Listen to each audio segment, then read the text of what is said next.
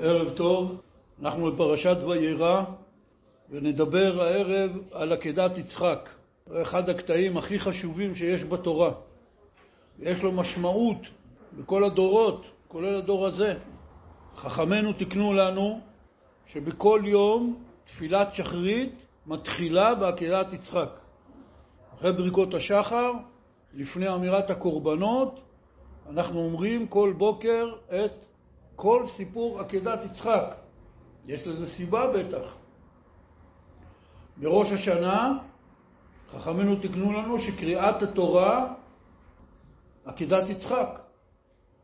והסיבה היא כי חז"ל אמרו בכמה וכמה מקומות שכל פעם שאנחנו קוראים את עקדת יצחק אנחנו מעוררים עלינו את הזכות של אבותינו. כי זה באמת היה הניסיון הכי גדול שהקדוש ברוך הוא העמיד בו את אברהם אבינו, והדרך שאברהם אבינו עמד בניסיון הזה, כמו שכתוב בפרשה, זה נשאר זכות לדורות לכל זרעו של אברהם. רש"י מביא את זה בפרשת השבוע. הוא מביא מה שאמרו חז"ל, מדרש אגדה, על מה שאברהם אבינו אומר בסוף. ויקרא אברהם שם המקום ההוא השם יראה. מה זה השם יראה? מביא רש"י מדרש אגדה של רבותינו, השם יראה עקדה זו לסלוח לישראל בכל שנה ולהצילה מן הפורענות, כדי שיאמר היום הזה בכל הדורות הבאים בהר השם יראה, אפרו של יצחק צבור ועומד לכפרה.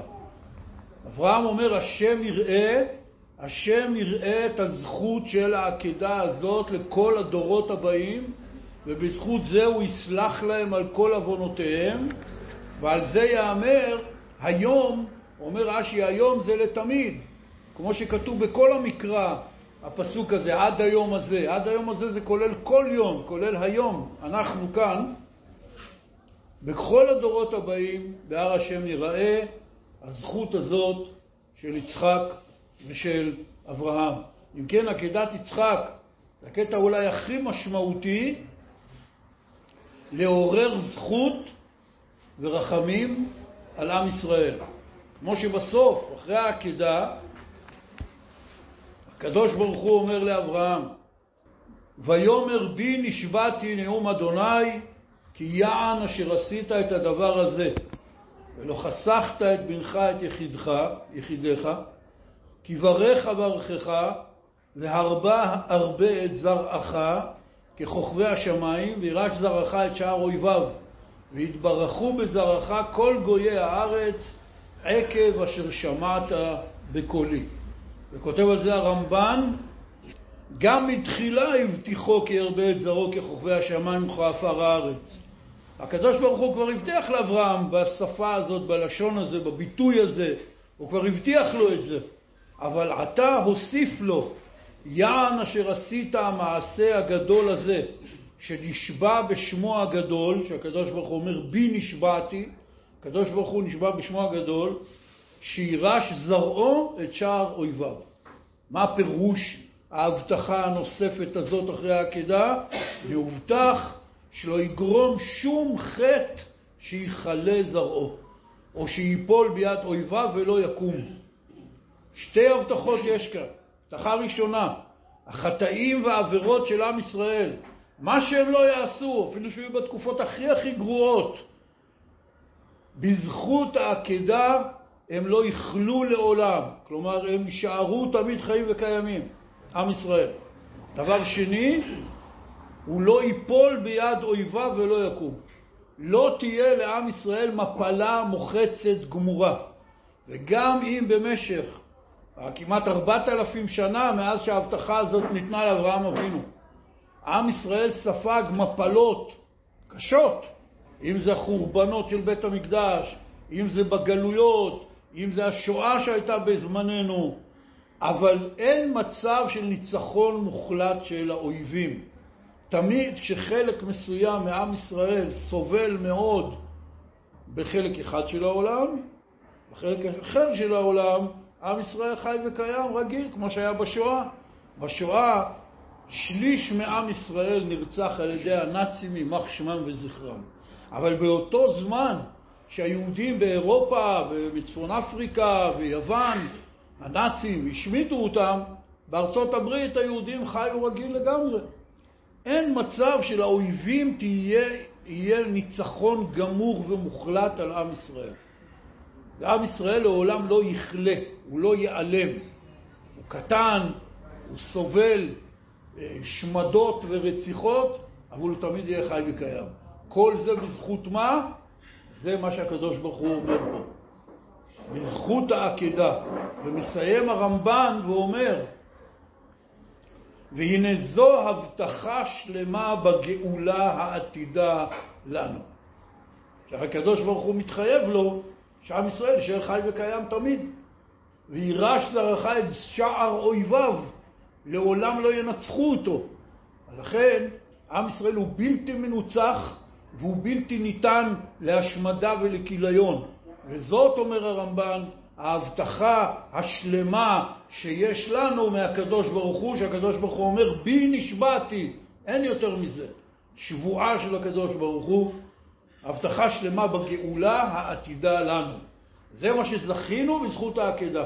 לכן אנחנו בכל יום בתפילת שחרית, ובראש השנה קוראים את זה בתורה, ובסליחות במשך כל ימות השנה אנחנו תמיד מזכירים את הזכות אבות הזאת של העקדה, זאת פוליסת הביטוח שלנו בעת הקדוש ברוך הוא, מה שאברהם אבינו עמד בניסיון הקשה הזה. כמובן שבפרשת העקידה יש שאלות רבות על עצם מה שהקדוש ברוך הוא אמר לו, להעלות לעולה את בנו, ואיך אברהם אבינו קיבל את הדין בלי להגיד מילה. בתחילת הפרשה אנחנו רואים שהקדוש ברוך הוא מודיע לאברהם שהוא הולך להשמיד את סדום ועמורה. אברהם אבינו נעמד, מתחיל לסנגר על הרשעים האלה בעיר סדום, נכון? אולי יהיו שם 50 צדיקים, אולי יהיו 45 צדיקים, אולי 40, אולי 30, אולי 20, אולי 10. וכל פעם הקדוש ברוך הוא אומר לו, לא אשחית בעבור ה-40, ה-30, ה-20, ה-10. ואברהם מבין שזה ויכוח קצת מפליא. לכן הוא אומר, אל יכר לשם, והדברה אך הפעם. אברהם אבינו נעמד, כמו שאומרים, על שתי רגליים, כדי לסנגר ולנסות להעביר את רוע הגזרה. ממי? מערים של רשעים. שאברהם אבינו בעצמו, אחרי מלחמת ארבעת המלכים, הוא מלך סדום רוצה, אומר לו, את הרכוש קח לך, אומר לו, לא ייקח ממך עד שרוך נעל. כי היה רשע גמור, מלך סדום. אברהם אבינו אבל מנסה להעביר מהם את רוע הגזרה. הוא מנסה לדבר עם הקדוש ברוך הוא שבזכות מינימום עשרה צדיקים ינצלו כל הרשעים. יפה, סנגוריה, חסד, אהבת האדם, יפה מאוד. עכשיו הקדוש ברוך הוא בא ואומר לו, אני רוצה, קח נא את בנך, את יחידך אשר אהבת את יצחק, ועלהו לעולה על אחד הערים אשר אומר אליך. איך אברהם לא אומר מילה? על הרשעים האלה סינגרת, ניסית להעביר מהם את זרוע הגזירה, על הבן שלך אתה לא אומר אף מילה? מוזר. כאשר מנסים ללמוד את פרשת העקדה ולהבין מה הנקודה פה המיוחדת של אברהם אבינו, אנחנו רואים אצל רוב המפרשים ואצל חז"ל שהמוכנות הזאת של אברהם לעשות את דברי השם בלי שום ציוץ, כמו שאומרים, זאת הגדולה של אברהם. כאשר היה מדובר באנשים אחרים, אברהם אבינו מנסה לסנגר מנסה להעביר מהם את רוע הגזרה. אבל מדובר בו, הוא מקבל את דברי השם ללא כחל וסרק. זאת התמימות המיוחדת של אברהם אבינו. הקדוש ברוך הוא הרי לא רצה באמת שהוא יעלה לעולה את יצחק. זה כתוב כבר במשפט הראשון, בפסוק הראשון בפרשת העקידה. ויהי אחר הדברים האלה, והאלוקים ניסה את אברהם. ככה זה מתחיל. אנחנו בדרך כלל רגילים כל כך למילים שאנחנו לא שמים לב. ניסה את אברהם. מהמילה הראשונה של פרשת העקדה, התורה אומרת לנו שלא תחשוב לרגע שבאמת הקדוש ברוך הוא רצה שהוא יעלה לעולה את, את, את יצחק. זה ניסיון. ובסוף פרשת העקדה, הקדוש ברוך הוא גם אומר, כי עתה ידעתי כי ירא אלוקים אתה. מי שמעיין במילים, על פי הפשט הפשוט.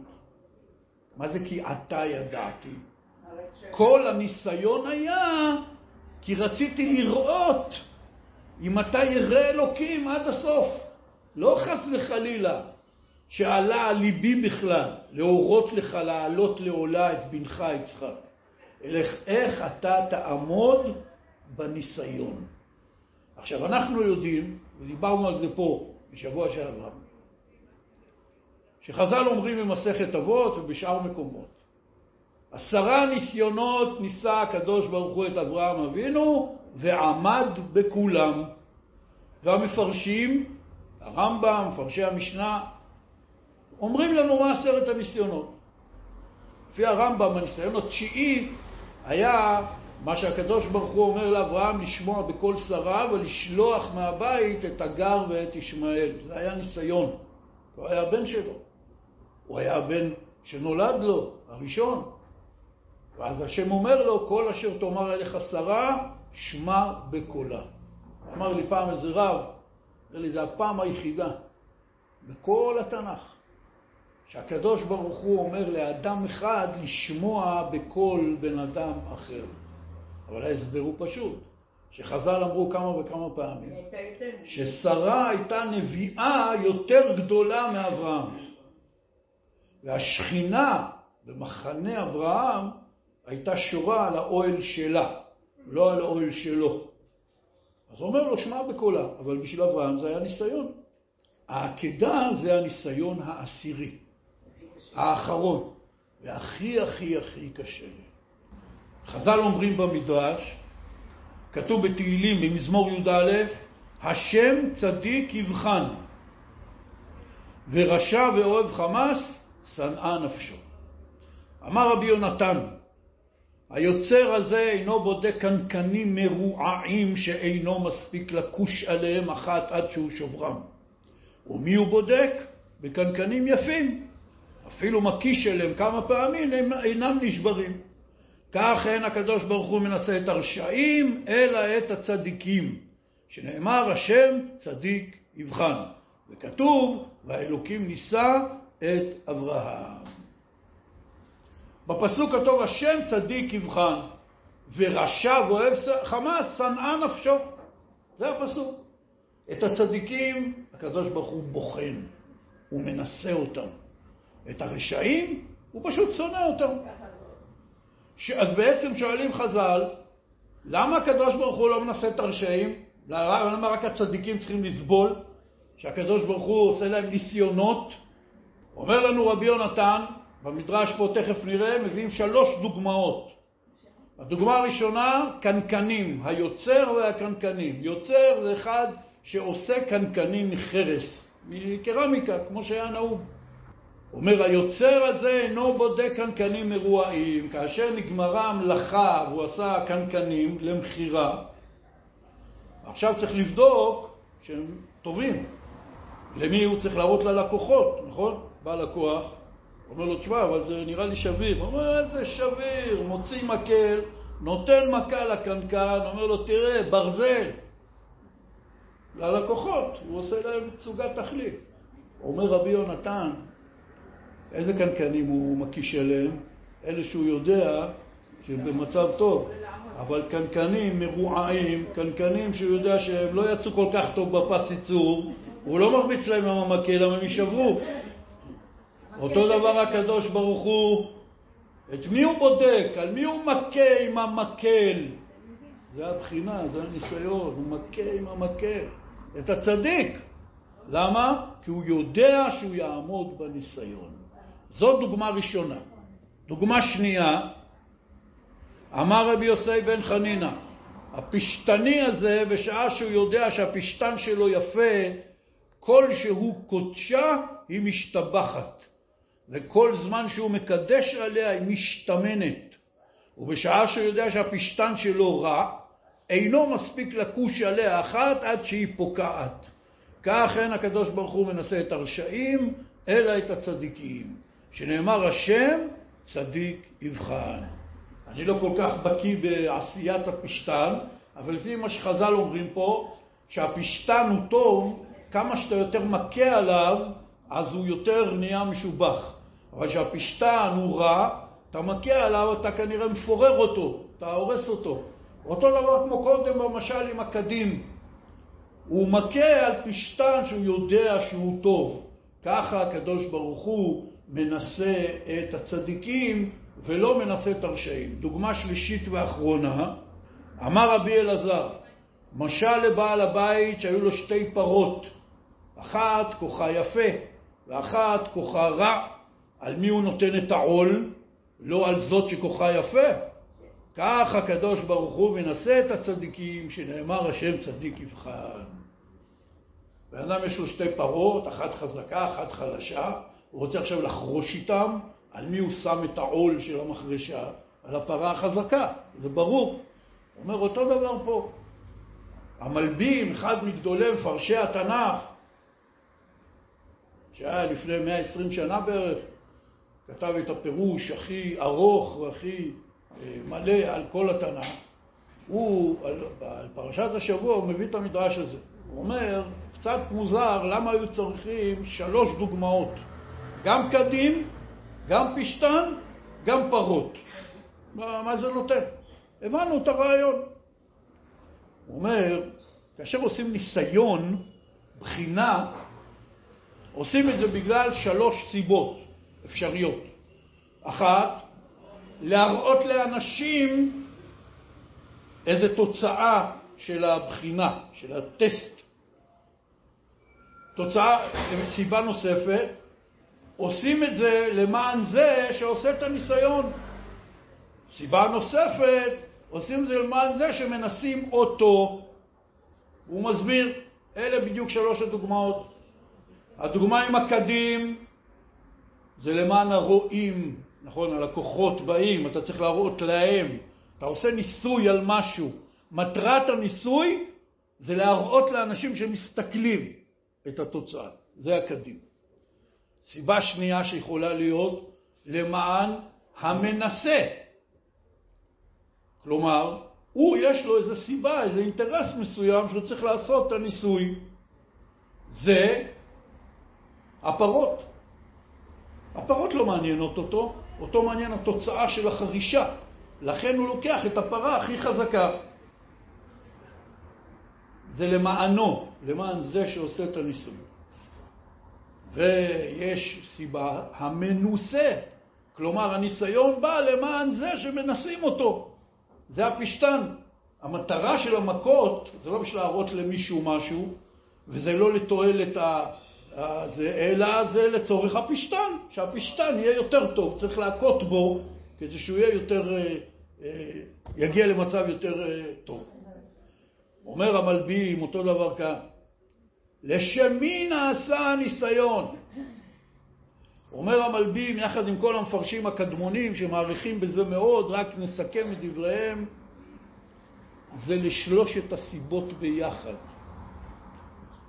להראות לרואים, כותבים המפרשים, מטרת הניסוי הזה, הניסיון הזה שהקדוש ברוך הוא עשה לאברהם, להראות לכל העמים את גודל האהבה של אברהם לקדוש ברוך הוא, לדורי דורות, בכל העמים, שידעו לאן יכולה להגיע אהבת השם. ועוד מעט נדבר על אהבה, זה הנושא שרציתי לדבר עליו היום, אהבה. וגם זה היה למען הקדוש ברוך הוא. שהקדוש ברוך הוא יראה, כמו שאומר, כי אתה ידעתי, עשיתי לך ניסיון כדי שאני אראה. השם יראה. וזה היה גם למען המנוסה, למי שניסו אותו, למען אברהם אבינו בעצמו. כדי שהוא בעצמו ידע ויבין ויראה את גודל מעלתו, לאן הוא יכול להגיע. המדרש הזה שקראתי על הקנקנים והפשתן והפרות מופיע במדרש רבה בראשית, פרשה ל"ב, עוד ג'. רבי נתן מברסלב, שהוא כותב, וגם מפרשים אחרים שאלו את זה, הרבה מפרשים, אנשים צדיקים, רבנים צדיקים שהיו בכל הדורות, אומרים, מה הניסיון פה? אומר רבי נתן, האם יכול להיות אדם שהקדוש ברוך הוא יתגלה אליו אישית ויגיד לו לא לשחוט את בנו והוא לא יעשה את זה? הצדיקים האלה לא יכלו להעלות בדעתם אפשרות אחרת. הקדוש ברוך הוא מתגלה לאדם ואומר לו הוראה, הוא יעשה את זה. אומרים, הניסיון האמיתי של אברהם אבינו פה היה שהוא לא הרהר אחר מידותיו של הקדוש ברוך הוא. לא הניסיון היה ללכת לעשות את המעשה, בזה לא היה ספק שאברהם אבינו יעשה מה שהקדוש ברוך הוא אומר לו, קם בבוקר בזריזות, וכפי שאמרו גדולי ישראל, דיבור נפלא מאוד, כתוב, וישכם אברהם בבוקר, ויחבוש את חמורו. אומרים חכמי ישראל, תשימו לב איזה דיוק. וישכם אברהם בבוקר, זה אומר שהוא הלך לישון בערב. בן אדם שאומרים לו, קח את בנך את יחידך ועלהו לעולה, מסוגל ללכת לישון. הבנתם? כי אם כתוב וישכם, זאת אומרת שהוא הלך לישון.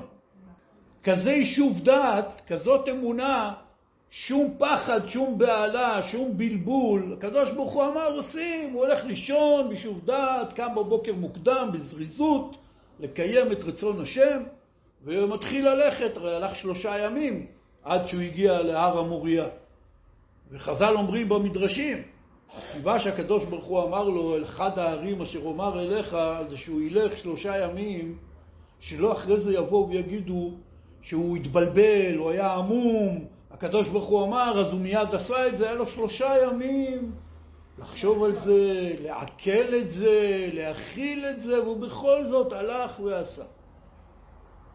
זה לא הניסיון. לא הייתה שאלה שאברהם אבינו יקיים את רצון השם. השאלה הייתה אחרת לגמרי. הרי הקדוש ברוך הוא הבטיח לו, ביצחק יקרא לך זרע. הקדוש ברוך הוא הבטיח לו כבר כמה פעמים לפני ברית הבתרים, ובעיקר בברית בין הבתרים, אומר לו, אתה יצא ממך עם גדול. והיה זרעך ככוכבי השמיים, עפר הארץ. ממי? ממי כולם ייוולדו? מיצחק. ויצחק יקרא לך זרע. עכשיו יצחק עוד לא התחתן, עוד לא נולדו לו ילדים. איך זה מסתדר ביחד? שאלה עצומה. מצד אחד, אתה, הקדוש ברוך הוא, אמרת לי, הבטחת לי, שמיצחק ייוולדו ילדים שיהפכו להיות עם שלם ככוכבי השמיים לרוב. מצד שני, אתה, אותו בורא עולם, בא ונותן לי הוראה לשחוט אותו לפני שנולדו לו ילדים ביחד. איך זה מסתדר ביחד? אברהם לא הרהר אחר מידותיו של הקדוש ברוך הוא. זה היה הניסיון, האם הוא יהרהר, הוא ישאל, הוא יטמע, הוא יתקומם, שום דבר. שתיקה מוחלטת. הוא אומר לו, אברהם, אברהם, בסוף, הוא אומר לו, הנני. זה היה המהות של אברהם אבינו, הנני. זה מופיע פעמיים בסיפור העקדה. פעם אחת שיצחק אומר לו אבא, אומר לו הנני בני, ואחרי זה שהמלאך אומר לו אברהם, אברהם, אומר לו הנני. זה היה המהות של אברהם. מה זה הנני? הנני זה המילה שמגלמת בתוכה עולם שלם של עבודת השם, של יראת שמיים, של אהבת השם, של אמונה בשם. עומד, מוכן ומזומן. כמו שחייל עומד, מוכן ומזומן לפקודת המפקד. כך הוא עומד כל הזמן. הניסיון היה הסתירה הבלתי ניתנת לגישור בין הדיבור הקודם של הקדוש ברוך הוא לדיבור הנוכחי של הקדוש ברוך הוא. הדיבור הקודם היה שיצחק יוליד ילדים ויהיה מזה עם שלם. הדיבור הנוכחי אומר, לך תהרוג אותו לפני בכלל שהוא הוליד ילדים. איך זה מסתדר? שני הפכים. בלשון הקבלה והחסידות, זה נקרא שני הפכים בנושא אחד. אותו עניין, אני מול הקדוש ברוך הוא, ויש כאן שני הפכים שלא יכולים להסתדר ביחד. כל עניין האמונה. זה כמובן משליך על עוד מיליון נושאים בחיים בכלל. שאנחנו מאמינים באמונה שלמה שאצל הקדוש ברוך הוא יכול להיות שני הפכים בנושא אחד. זה שכל אינסופי מעל לתפיסתנו. הקדוש ברוך הוא יודע שאנחנו עקשנים גדולים, אז בדור האחרון, דרך חידושי המדע, פתאום גילינו שיש דבר כזה. חור שחור. חור שחור בתורת האסטרופיזיקה זה שני הפכים בנושא אחד. זה נקרא אנטי חומר, זה השם של זה במדע. זה חור שהוא בעצם כוכב, שהוא בולע לתוכו את כל הגופים שמתקרבים אליו. אז תחליט, זה חור, זה כוכב, מה זה חומר, מה זה אנטי חומר, אני לא מבין שום דבר באסטרופיזיקה, אבל דבר אחד ברור, שחור שחור, לפי מה שהתגלה על פי הממצאים, ההסבר של זה הוא בלתי נתפס בשכל אנושי.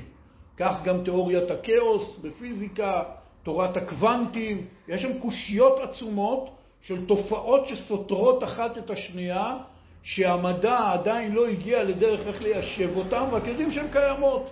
זה דוגמה קטנה שבקטנות, להבדיל אלף אלפי הבדלות, מעצם העניין העליון הרוחני, שיכול להיות עניין כזה של שני הפכים בנושא אחד.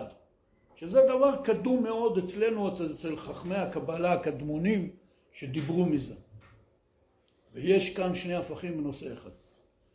והכוח של האדם להכיל את האמונה בשם הוא כזה שהוא מעבר לכל הקושיות, הוא מעבר לכל השאלות.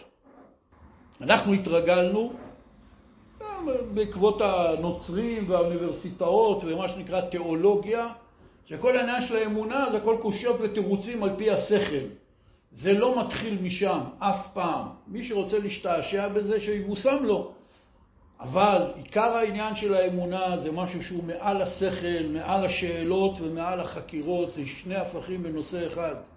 זה כמו האקסיומות במתמטיקה, שיש אקסיומה שיש אין סוף. אי אפשר להוכיח את זה, אבל בלי האקסיומה הזאת אי אפשר להתקדם הלאה במתמטיקה. כך זה גם כאן, יש אקסיומה, יש דבר שהוא בלתי ניתן להוכחה ואי אפשר להוכיח אותו. השאלות הקשות. אברהם אבינו היה הראשון בעולם שעמד בניסיון כזה. והוא עמד בו בצורה הטובה ביותר, בצורה מיטבית, ולכן בזכותו כולנו חיים עד היום הזה, כמו שראינו, שהקדוש ברוך הוא נשבע לאברהם שזרעו יחיה לעולם והאויבים לא ינצחו אותו אף פעם. והיינו הרבה פעמים במצב של סכנת חירום, אבל בזכות ההבטחה של הקדוש ברוך הוא, אנחנו עדיין כאן. על זה אנחנו שרים בהגדה של פסח. והיא שעמדה לאבותינו ולנו שבכל דור ודור עומדים עלינו לכלותנו, והקדוש ברוך הוא מצילנו מידם. מה זה והיא? מי זאת הוהיא הזאת? אנחנו תמיד מתחילים את השיר מ"ושהיא עמדה", אז רוב האנשים לא יודעים מי זאת ההיא הזאת, בזכותה, אנחנו עדיין חיים. אז זה כתוב שם לפני זה, ההבטחה שהקדוש ברוך הוא הבטיח לאברהם בברית בין הבתרים. אם כן, אברהם עמד בצורה מופלאה בניסיון הזה, אבל כל אחד מאיתנו עומד מדי פעם בניסיון הזה, של שני הפכים בנושא אחד. שהקדוש ברוך הוא אומר מצד אחד דבר ואני עושה אותו ומקיים את המצווה והכל ואני חוטף מכות והבן אדם יש לו קושייה בלב הוא אומר בסדר יכול להיות שאני לא צדיק גדול כן אבל פה בעניין הזה באתי בתמימות לעשות רצון השם למה זה לא הולך לי? רק אנחנו, בניגוד של, לאברהם אבינו, אנחנו מהרהרים אחר מידותיו של הקדוש ברוך הוא.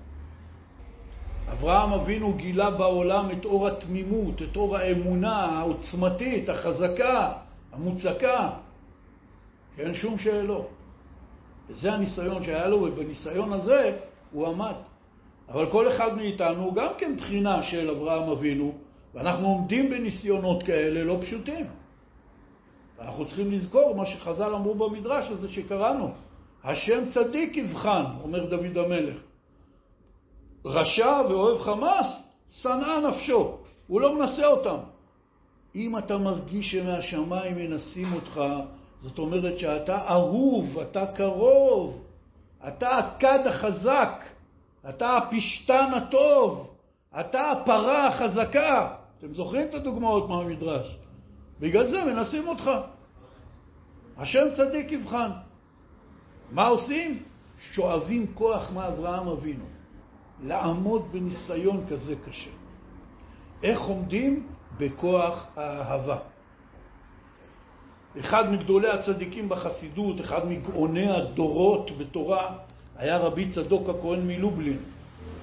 הוא אומר שכל פעם שאות מסוימת מתחיל, מופיעה בתורה פעם ראשונה, זה כל העניין שלה. לדוגמה, האות ט' מופיעה פעם ראשונה בתורה במילה טוב.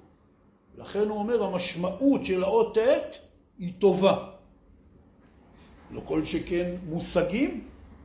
פה אני רוצה להגיד על משהו דומה. המושג אמונה מופיע פעם ראשונה בתורה בפרשת לך לך, לפני ברית בין הבתרים, כתוב על אברהם והאמין בשם ויחשביה לא צדקה. פעם ראשונה מופיעה המילה אמונה בתורה. מעניין, אפשר ללמוד שם ולראות מה אפשר ללמוד מזה שזה ההופעה הראשונה של המילה אמונה. בפרשת השבוע וירא מופיעים שני מושגים פעם ראשונה.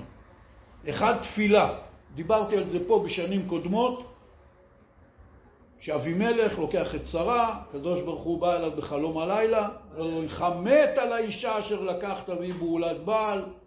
אבימלך אומר לו, מה אני אשם? הוא אמר לי והיא אמרה לי שהיא אחותו, אני לא ידעתי שהיא אשתו.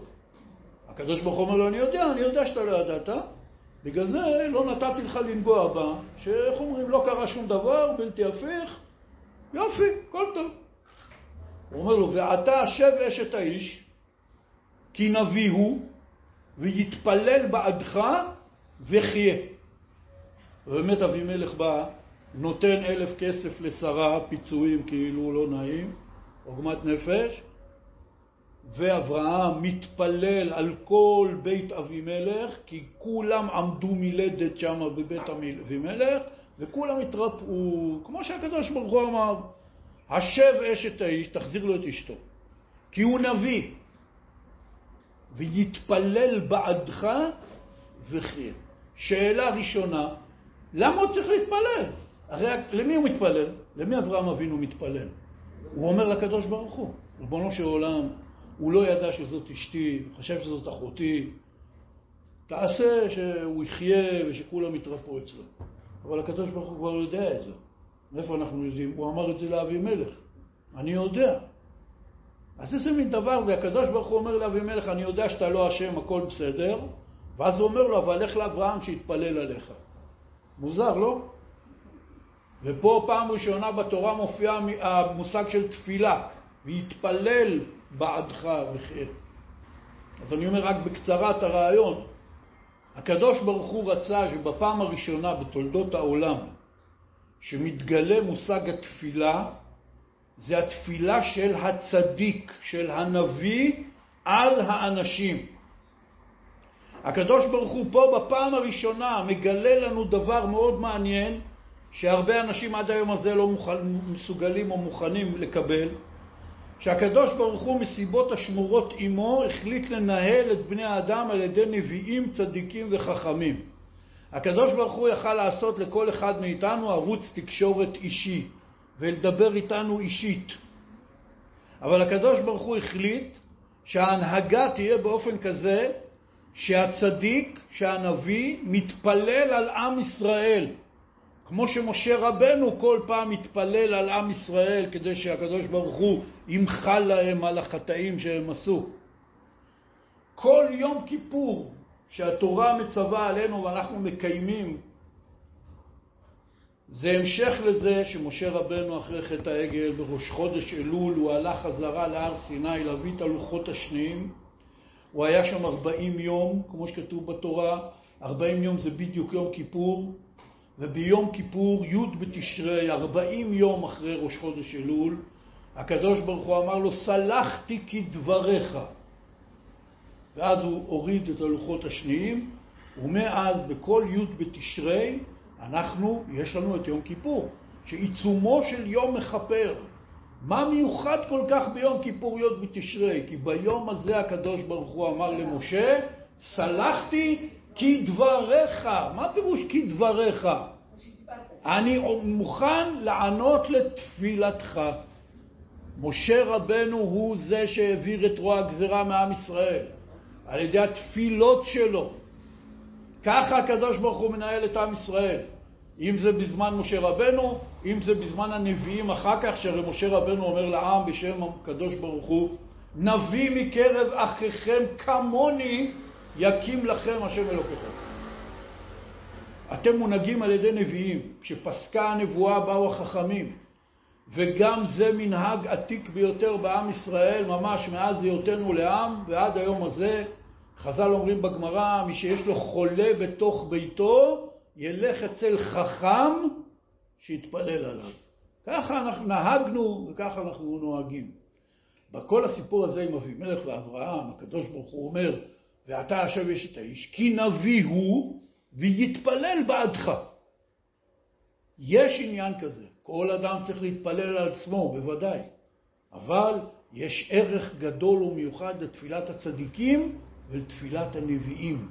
הקדוש ברוך הוא אומר ומראה לאבימלך ולכל באי עולם שקוראים את זה בתנ"ך עד היום הזה, כנראה שאין כמעט שום יצור אנושי שלא קרא תנ"ך בשפה שלו על פני כדור הארץ. הספר הכי מתורגם, הכי מופץ בכל תולדות האנושות, ללמד את הרעיון הזה של תפילת הצדיקים. אבל עוד מושג מופיע פעם ראשונה בפרשת השבוע, וזאת האהבה. השורש הזה של א', ה', ב', אהבה, מופיע פעם ראשונה בפרשת השבוע. מאז בריאת העולם. קח נא את בנך, את יחידך, אשר אהבת, פעם ראשונה מופיע אהבה בתורה. את יצחק, ועלהו לעולה על אחד הערים. אומר רש"י, בשם חז"ל, למה הוא היה צריך כל כך לפרט לו את בנך, את יחידך, אשר אהבת את יצחק? יגיד לו את יצחק ויסגור עניין. למה הוא צריך קודם להגיד את בנך, ואחרי זה יחידך, ואחרי שאהבת? אומרים חז"ל, לתת לו שכר על כל דיבור ודיבור. הקדוש ברוך הוא אומר לו, קח את בנך. אברהם אומר לקדוש ברוך הוא, יש לי שני בנים. את יחידך. אומר שניהם יחידים לאימא שלהם. זה נולד מאמא אחת, זה מאמא אחרת. אשר אהבת. אמר לו, אני אוהב את שניהם. את יצחק. זה דרך אחת להסתכל. הדרך השנייה, הקדוש ברוך הוא רוצה שהניסיון לאברהם יהיה ניסיון אמיתי. ולכן הוא אומר לו, זה גם בנך, זה גם יחידך, זה גם אשר אהבת, זה גם יצחק. ומאותו רגע אברהם צריך ללכת לישון, להשכים בבוקר, ולחבוש את החמור, ולקחת את שני הנערים, ולבקע עצים, ולקחת אש, וללכת שלושה ימים, והוא כל הזמן, זה גם בנך, זה גם יחידך, זה גם אהבת, זה גם יצחק. לא פשוט בכלל. אומר רבנו בחיי, להקריב בן זה קשה. להקריב בן יחיד עוד יותר קשה. להקריב בן יחיד שאתה אוהב אותו עוד יותר קשה. אבל זה לא רק זה, זה יצחק. יצחק על פי החשבונות שהחז"ל עושים בן 37. הוא בשיא פריחתו ובשלותו, עם כל חוכמתו וצדיקותו. זה ניסיון פי אלף יותר קשה. הוא אומר, רצה לעורר את הדמיון של אברהם, את המדמה שלו. זה בן יחיד, אהוב, יצחק, בן מיוחד במינו, שנולד לו לגיל מאה שנה. יש פה כמה וכמה צדדים. אומר האור החיים הקדוש, זה בדיוק מה שאנחנו מצווים בקריאת שמע, ואהבת את השם אלוקיך בכל לבבך, בכל נפשך ובכל מאודיך. אמור החיים הקדוש, את בנך זה בכל לבבך. כי אהבה לבן היא בלב. את יחידך זה כבר לא סתם אהבה בלב, זה ממש נפשו. זה כמו שאנחנו קוראים לילדים שלנו, נשמה, חיים שלי. אתה החיים שלי, אתה נפשי. יחידך. אשר אהבת זה בכל מאודיך. כל מאודיך, זה פירוש הביטוי הזה, זה לא הלב, זה לא הנפש, זה בכל מאודיך, בכל טיפת וטיפת חיות שיש בך, מכף רגל עד ראש, הכל רק מוקדש לאהבה הזאת. זה נקרא בכל מאודיך, זה נקרא אשר אהבת. כי זה הכוח של אהבה. כתוב בפסוק בשיר השירים, עזה כמוות אהבה, קשה כשאול שנאה, שנאה. אם ייתן איש את כל הון ביתו באהבה, בוז יבוזו לו. אהבה זה משהו סופי, טוטלי, גמור, שאין אחריו כלום. עזה כמוות. מה הקשר בין מוות לאהבה? כמו שהמוות הוא סופי גמור, בלי טענות ומענות, שהוא מגיע הוא מגיע, ככה זה גם האהבה. לאהבה יש כוח טוטלי, סופי, גמור. בן אדם יש לו בן, הוא לא הכי מוכשר בעולם, לא הכי חכם בעולם, אולי לא יהיה הכי יפה בעולם. יבוא מישהו ויגיד לו, עזוב, תן לי את הבן שלך, אני אתן לך ילד מעינת משכל הכי גבוהה, יפהפה, הכל. תגיד, אתה נורמלי? מה אתה עושה איתי פה עסקת חליפין? מי יחליף את הילד שלו? גם אם ייתן לו עשרים ילדים יותר טובים, זה בכלל לא עולה על הדעת. למה? הגיוני. בכל דבר אחר בחיים שלך, אם יציעו לך להחליף משהו שהוא יותר טוב, יותר משובח, הכל, יותר איכותי, למה לא? את מי שאתה אוהב, לא תחליף לעולם. למה? כי האהבה היא מעל השכל, מעל הטענות, מעל ההסברים, מעל השאלות, האהבה היא מעל הכל. זה הכוח של אהבה. חז"ל אמרו לנו משפט מאוד חשוב על אהבה, במסכת אבות. כל אהבה שהיא תלויה בדבר, בטל דבר, בטלה אהבה. ושאינה תלויה בדבר, אינה בטלה לעולם.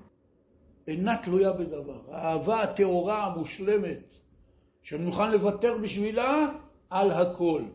אהבה אמיתית זה אהבה שאינה תלויה בשום דבר. כמו שאמרתי קודם, אדם אוהב את הילד שלו, יציעו לו להחליף את הילד, למכור את הילד, לא יודע, משהו כזה. מה, בכלל לא בא בחשבון. כי זה אהבה שלא תלויה בכלום, יכול להיות שהילד הוא שמן ומכוער וטיפש, מה זה משנה? הוא הילד שלי. זה לא תלוי בכלום. זה הכוח של האהבה. לכן פה את בנך, את יחידך אשר אהבת. פעם ראשונה מופיע בתורה מושג האהבה. פה. שמה פה ההתמודדות? ויתור על הבן האהוב למען אהבת הקדוש ברוך הוא. זה הניסיון. הקדוש ברוך הוא אומר על אברהם אבינו, נביא ישעיה אומר את זה, אברהם אוהבי. אברהם גילה בעולם את מידת אהבת הקדוש ברוך הוא. יש אהבה ויש יראה. יש שש מצוות תמידיות בתורה שחלות על כל גבר ועל כל אישה בכל רגע נתון כשהם ערים. רק שש. כולם מצוות במחשבה. שברגע שאדם חושב את המחשבה הזאת, מרגיש את הרגש הזה, הוא מקיים מצווה מהתורה. הראשונה, להאמין בקדוש ברוך. השנייה, לא להאמין בשום כוח זולתו. מצווה, ייחוד השם. שמע ישראל, השם אלוקינו, השם אחד. מצווה לא לטור אחרי מחשבת הלב והעיניים. והשתיים האחרונות, אהבת השם ויראת השם. אלה שני דברים שאנחנו מצווים עליהם, כמו שהתורה אומרת, שזה פסוק מאוד מאוד חשוב בתורה. ועתה ישראל, מה אדוני אלוהיך שואל מעמך? כי אם ליראה את אדוני אלוהיך, ללכת בכל דרכיו ולאהבה אותו ולעבוד את אדוני אלוהיך בכל לבבך ובכל נפשך. הפסוק הזה מתמצת את כל התורה, את כל היהדות. מה ישראל, ישראל, מה השם מבקש ממך? ליראה את השם, לאהבה את השם, ללכת בדרכיו ולעבוד אותו בכל לבבו ובכל נפשו. התורה דורשת מסירות נפש. כמו הפסוק בקריאת שמע שאנחנו אומרים כל יום פעמיים לפחות, ואהבת את השם אלוקיך בכל לבבך, בכל נפשך, בכל מאודיך. בדיוק היום ראיתי דבר ככה, דבר בעיתו מה טוב, היום ט"ו חשוון, היה יום פטירתו של החזון איש, רבי אברהם ישעיהו קרליץ, זכותו יגן עלינו, מגדולי חכמי התורה בכל הדורות האחרונים, או שהיה סמוך לזמננו. יש היום עדיין חיים איתנו אנשים שהיו תלמידים שלו, כמו רב חיים קניאבסקי, הרב גרשון אטלשטיין, הם היו תלמידים של החזון איש. הוא נפטר בשנות החמישים. הוא היה גאון עולם בתורה וגאון המחשבה, צדיק יסוד עולם. אבל היום קראתי שאחד התלמידים שלו אמר, אני רוצה לספר לכם איך החזון איש היה אומר קריאת שמע. הייתי מתפלל איתו כל יום. הוא אומר, הוא היה אומר, ואהבת את השם אלוקיך. ואז הוא היה מדגיש את המילה בכל. בכל לבבך, ובכל נפשך, ובכל מאודיך.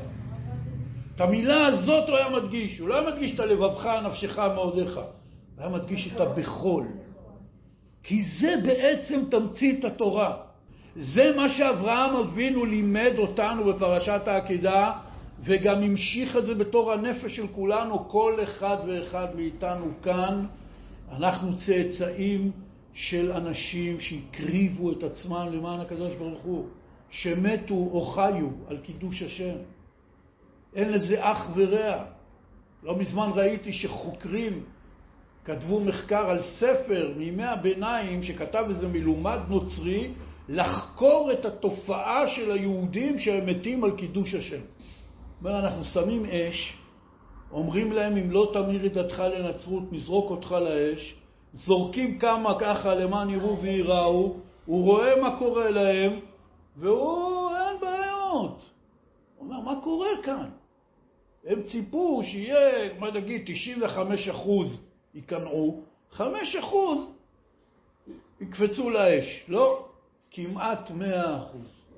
יש בתוך נפשות עם ישראל איזה יסוד רוחני מופלא, כותב על זה בעל התניא, מסביר את זה לעומק, שאפילו יהודים רחוקים מאוד משמירת מצוות, כשעומד לפניהם ניסיון של המרת דת, הם מוכנים להקריב, לאו דווקא את חייהם, אבל כל מיני דברים. אמר את זה החפץ חיים הקדוש. בזמנו, ליהודים היה אסור לגור במוסקבה. כי מוסקבה הייתה כאילו בשליטת הכנסייה הפרבוסלבית, וליהודים היה אסור לגור במתחם של הכנסייה. היו יהודים שכבר לא שמרו מצוות, והם עברו לגור בתוך המתחם הזה, עשו עסקים, היו סוחרים עשירים, חילונים גמורים. יום אחד הכנסייה החליטה לא מתאים לה שיש פה, אמרה מי שלא ימיר את דתו לנצרות, מגרשים אותו. זה איבוד כל הרכוש, כמובן מחרימים לו את כל הרכוש והכל, הוא יוצא בחוסר כל. עם האישה והילדים, זורקים אותו בשדה, לך תסתדר. אף אחד מהם לא המיר את דתו. אמר החפץ חיים, אנחנו יכולים להבין מה זה נשמה של יהודים? אנשים שהפסיקו לשמור מצוות לגמרי, אבל כאילו יש להם קו אדום. עד כאן. היה סיפור לפני שנים שחבורת תרמילאים ישראלים נחטפה על ידי טרוריסטים מוסלמים בקשמיר. אולי אתם זוכרים את זה. באיזשהו שלב הם אמרו להם, אם תתאסלמו, נשחרר אתכם. זה סתם טקס, מה אכפת לך? חילונים גרורים, קיבוצניקים. לא הסכימו בשום אופן, ואז הם השתלטו על החוטפים שלהם וחילצו את עצמם. סיפור גבורה. מה אכפת לכם? מה תעשה איתו את ההצגה שלו? מה שטויות? אבל מילא אתה לא מאמין בזה. יש איזה יסוד בנפש שאומר, חביבי, עד כאן. עד כאן. נכון, אולי אני לא דתי, לא שומר מצוות, להמיר את דתי? לא יקום ולא יהיה. זה הכל מורשת בנפשות ישראל. מאברהם אבינו, שהוא המשיך לנו את הכוח האדיר הזה של המסירות נפש עד הסוף בכל לבבך, בכל נפשך, בכל מאודיך. זה הכוח של האהבה, ההתמסרות. ואנחנו נלמד על זה עוד כמה פרשות, על האהבה שיעקב אהב את רחל. והיו בעיניו כימים אחדים באהבתו אותה. וכשהוא רק רואה אותה, זה היה אהבה ממבט ראשון.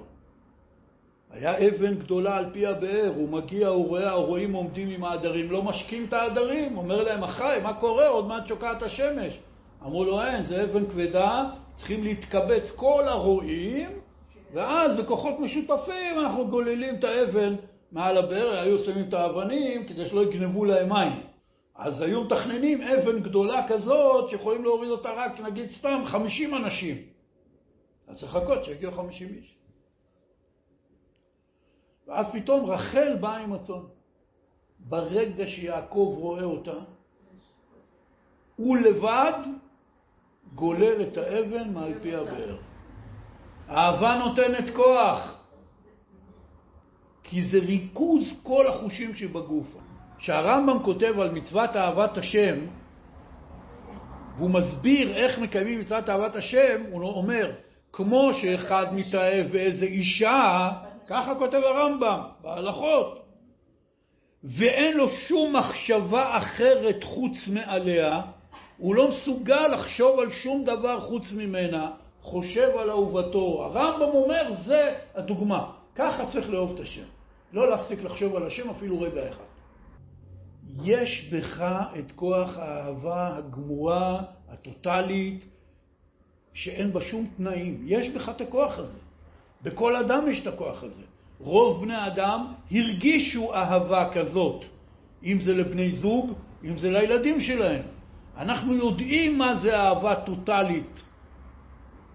לכן אומרים לך, כשאנחנו אומרים לך, ואהבת את השם אלוקיך בכל לבבך, בכל נפשך, בכל מאודיך, אתה יודע איך עושים את זה. אתה רק צריך להשתמש בכוח הזה לאהבת השם. ולכן המילה אהבה נזכרה פעם ראשונה, בנך יחידך אשר אהבת. יש אהבה יותר גדולה מאשר זקן בן מאה, שנולד לו בן בגיל מאה, לאחר ייאוש. ולא סתם נולד לו ילד, נולד לו ילד שאמור להיות תקוות העולם, שבו תלוי כל העתיד של המשכת האמונה בשם יתברך בעולם, שלזה אברהם אבינו הקדיש את חייו. אז אתה מבין איזה אהבה אברהם אבינו אהב את יצחק בנו?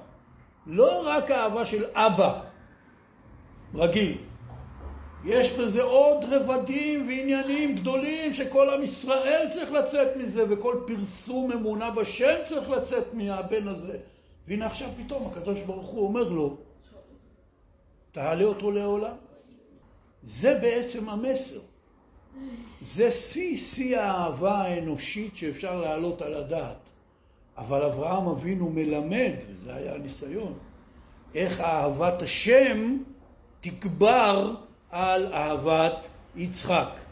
למרות שהייתה פה שאלה, כמו שאמרתי קודם, להרהר אחרי מידותיו של הקדוש ברוך הוא, זה שני הפכים בנושא אחד. איך יכול להיות שאותו בורא עולם שאומר לו, ביצחק יקרא לך זרע, אתה תראה ממנו דורות על גבי דורות ככוכבי השמיים לרוב, ופתאום בא אותו בורא עולם ואומר, תעלה לי אותו לעולם, עוד לא התחתן, עוד לא הוליד ילדים. זה לא יכול להתקיים עם זה, תחליט. איך זה יכול להיות? שאלה עצומה על הקדוש ברוך הוא. וזו שאלה שאין עליה תשובה. אי אפשר לענות, אי אפשר לתרץ את זה. מה, מה תמציא? יש פה קושייה אדירה על הקדוש ברוך הוא. וכל תולדות העולם יש קושיות על הקדוש ברוך הוא. כל אחד בחיים הפרטיים שלו ולעם ישראל ולכל האנושות. שאלות עצומות על הקדוש ברוך הוא, שאנחנו לא מבינים. ואנחנו גם לא עושים את עצמנו שאנחנו מבינים. לא יודעים להסביר. דבר אחד אנחנו יודעים, שהקדוש ברוך הוא אמר לנו על ידי הנביא, כי לא מחשבותיי מחשבותיכם, ולא דרכיכם דרכיי.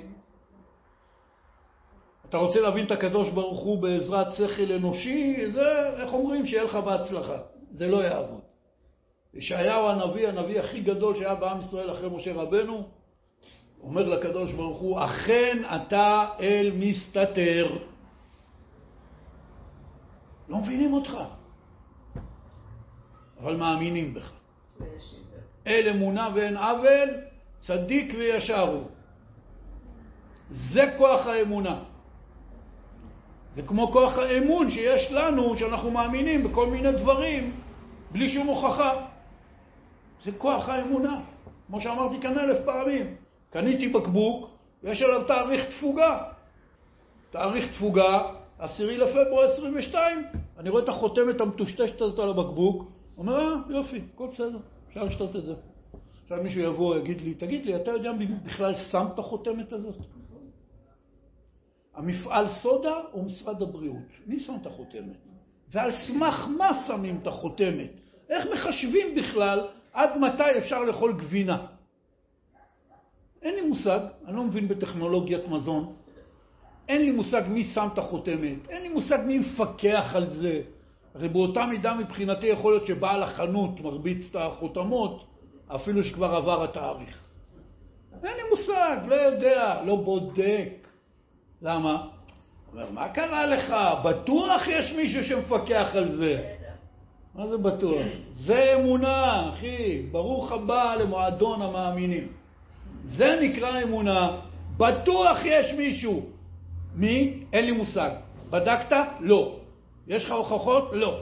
אז מאיפה אתה מאמין? אה, יש לי אמון בלב. אני יודע, בטוח יש פה מישהו. וכבר דיברנו על זה פה הרבה פעמים. אתה פותח את הברז, שותה כוס מים. שמעת כבר אלף פעמים שיש זיהומים במערכות של המים. אתה אומר, אל תדאג, יש מחלקת המים פה בעיריית הוד השרון, מפקחים על זה. אז אמרתי לכם, בלי להיות שם, אם אתה יום אחד תיכנס למחלקת המים בעיריית הוד השרון, ותראה מי עובד שם ואיך הם מעבירים את היום, אתה כבר לא תהיה כל כך, אה, לא תרגיש כל כך מוגן. כל אחד מאיתנו שעבד באיזושהי מערכת יודע כמה פשלות יש בתוך המערכות שמסתירים אותם ומטייחים אותם. פה זה הבריאות שלך, אחי, זה חיידקים במים, זה לא צחוק. אתה, יש לי אמון. אמון זה אמונה. זה הכוח של אמונה, שמדלגים על כל הקושיות, על כל החקירות. מי הנחיל לנו את הכוח הזה? אברהם אבינו, ראש המאמינים. בא האלוקים, שהבטיח לו בן בגיל מאה, והבטיח לו שהבן הזה יהיו לו ילדים כמו כוכבי השמיים לרוב, ושהילדים האלה, עם ישראל, הם יפיצו את כל האמונה בעולם, הם ימשיכו את מורשת אברהם. כתוב בפרשת השבוע, כאשר הקדוש ברוך הוא לפני שהוא הופך את סדום והמלאכים עוד אצל אברהם באוהל, אחרי שבישרו לו על הולדת יצחק, הקדוש ברוך הוא אומר, המכסה אני מאברהם את מה שאני הולך לעשות בסדום, כי ידעתיו שיצווה את זרעו אחריו לשמור דרך השם לעשות צדקה ומשפט. ולפני כמה שנים דיברנו פה שיעור שלם שמהפסוק הזה אנחנו לומדים מה זה דרך השם. ומי מסביר לנו את זה? הקדוש ברוך הוא בעצמו. זה פסוק בתורה שהקדוש ברוך הוא אמר. לשמור דרך השם, לעשות צדקה ומשפט. מזה למדנו שדרך השם זה לעשות צדקה ומשפט. יכול בן אדם כל היום לבלות בבית כנסת ולעשות המון דברים דתיים במרכאות, אבל אם הוא לא עושה צדקה ומשפט עם בני אדם אחרים, אם אין לו אהבת הזולת, אם אין לו חסד לזולת, אז הוא לא שומר דרך השם. איפה אני יודע? הקדוש ברוך הוא אמר. אבל בכל מקרה אנחנו רואים מהפסוק הזה, למען יצווה את זרעו אחריו. הקדוש ברוך הוא התחייב שיהיה לו זרעו אחריו, והנה פה הוא אומר לו, תשחט את יצחק לפני שיש לו ילדים. זה לא מסתדר. נכון, זה לא מסתדר. וחז"ל אומרים לנו מדרש שהשטן בא בדרך בשלושה ימים ומנסה להסית את אברהם. אומר לו, איך זה יכול להיות? הקדוש ברוך הוא אמר ככה, זה... אברהם אבינו אומר לו, על מנת כן. כלומר, אני מאמין בשם יתברך על דעת זה שאני לא יבין, שיהיה סתירות, שיהיה הכל, זה בכלל לא משנה, זה כוח האמונה. כוח האמונה. בספר ירמיה, בפרק ז', הנביא אומר ככה, כי עשו בני יהודה הרע בעיניי נאום אדוני. שמו שיקוציהם בבית אשר נקרא שמי עליו לטמאו, ובנו במות התופת אשר בגיא בן הינום, לשרוף את בניהם ואת בנותיהם באש, אשר לא ציוויתי ולא עלתה על ליבי. נביא ירמיהו, לפני חורבן בית ראשון, חורבן בית ראשון היה בגלל עבודה זרה, שפיכות דמים וגילוי עריות. בני יהודה עבדו עבודה זרה בתוך בית המקדש, וסמוך לבית המקדש בגיא בן הינום, שזה מה שהיום בריכת הסולטן, זה גיא בן הינום, שרפו את בניהם ובנותיהם באש, שהייתה עבודה זרה שלמה שם, של המולך, איזה אליל, עבודה זרה מאוד נפוצה הייתה בכל המזרח הקדום, שהיו עושים כוויות לילדים באש, להראות כמה יש להם סירות נפש לאליל. ויהודים נפלו בזה. אומר הנביא אשר לא ציוויתי ולא עלתה על ליבי. אין דבר יותר רחוק ממני, אומר הקדוש ברוך הוא, מאשר להעלות קורבנות אדם, ולא כל שכן ילדים של המקריב. לא ציוויתי, לא עלתה על ליבי. מפרש שם רש"י, וכשדיברתי לאברהם לשחוט את בנו, לא עלתה על ליבי שישחוט, אלא להודיע צדקו. זה כל העניין. זה הכל מסתכם במילה אחת הראשונות בפרשת היחידה, ויהי אחר הדברים האלה, והאלוקים ניסה את אברהם. הכל היה פה ניסיון. לא עלה על הדעת של אף אחד פה. אבל אברהם אבינו, מכוח אהבתו את השם, שהייתה גדולה מאהבתו את יצחק, הוא עשה מה שאמרו לו. על אחד הערים אשר אומר אליך, הכין עצים, הכין אש, חבש את החמור, לקח נערים, התחיל ללכת, עד שהקדוש ברוך הוא יראה לו איזה הר. כמו שאומרים, כל שלב בזמנו. הכוח הזה, הסנגוריה הזאת על עם ישראל, על הכוח של המסירות נפש, של אהבת השם של אברהם, היא עומדת לנו בכל רגע ורגע, לכל אחד מאיתנו. וזה מה שאנחנו אומרים בברכה הראשונה ב-18.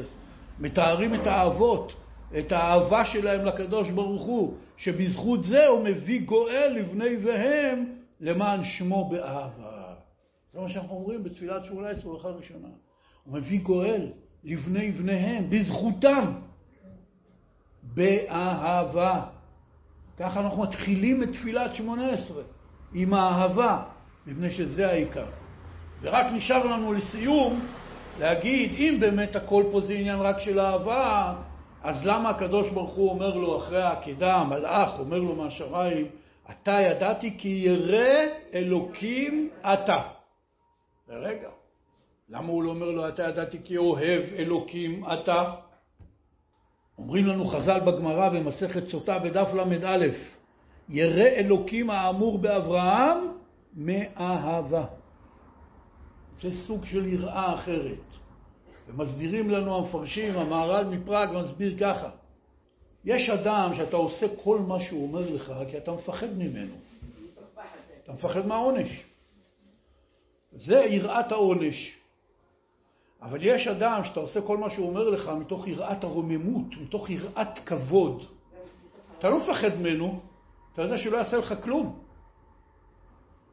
אתה אוהב אותו עד כדי כך שהיראה שלך באה מאהבה. לכן היראה הזאת פה, שאנחנו מדברים עליה, שהיה לאברהם, ירא אלוקים אתה, אומרים חז"ל בגמרא, היראה הזאת באה מאהבה. ומסיימים שם ואומרים, גדול העושה מאהבה מהעושה מיראה. העיקר זה אהבה. לכן כשאנחנו אומרים בתפילת שמונה עשרה מביא גואל לבני בני מה שמו באהבה ברוך אתה השם מגן אברהם כדאי להיזכר שאנחנו המשך ישיר של מורשת אברהם שהיא אהבת השם ללא תנאי ובכוח העמידה שלו בניסיון הזה שהיה ניסיון האהבה כי קח את בנך אשר אהבת ותעשה מה שאני אומר לך כי אתה אוהב אותי הקדוש ברוך הוא בעצמו קורא לו אברהם אוהבי ואברהם הוא כל כולו אבא. תשימו לב, קוראים לו אברהם אבינו. אבל זה לא אנחנו קוראים לו אברהם אבינו. זה שם שאנחנו המצאנו, אבינו, שהוספנו למילה אברהם. אבל למה המצאנו את זה? כי הקדוש ברוך הוא בעצמו, שהוא מחליף לו את השם מאברהם לאברהם, מה הוא אומר לו? האב המון גויים נתתיך. אב המון גויים. זה המהות של אברהם, זה להיות אבא. של הרבה עמים. לא כל שכן של בנו היחיד שממנו יצאו כל הצאצאים.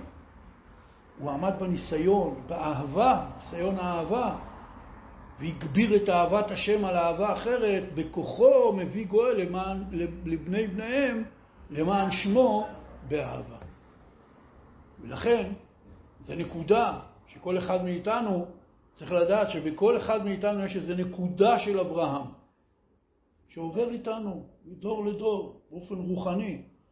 והנקודה הזאת היא נקודת האהבה הטהורה, הקדושה, השלמה, המושלמת, וראוי מצד אחד קודם כל לא לפגום בה על ידי אהבות רעות, מצד שני שאין לו קצת גאוות יחידה, שאנחנו בני אברהם, יצחק ויעקב, שזה כמובן דבר עצום מאוד. השם יעזור, שיהיה לנו שבת שלום.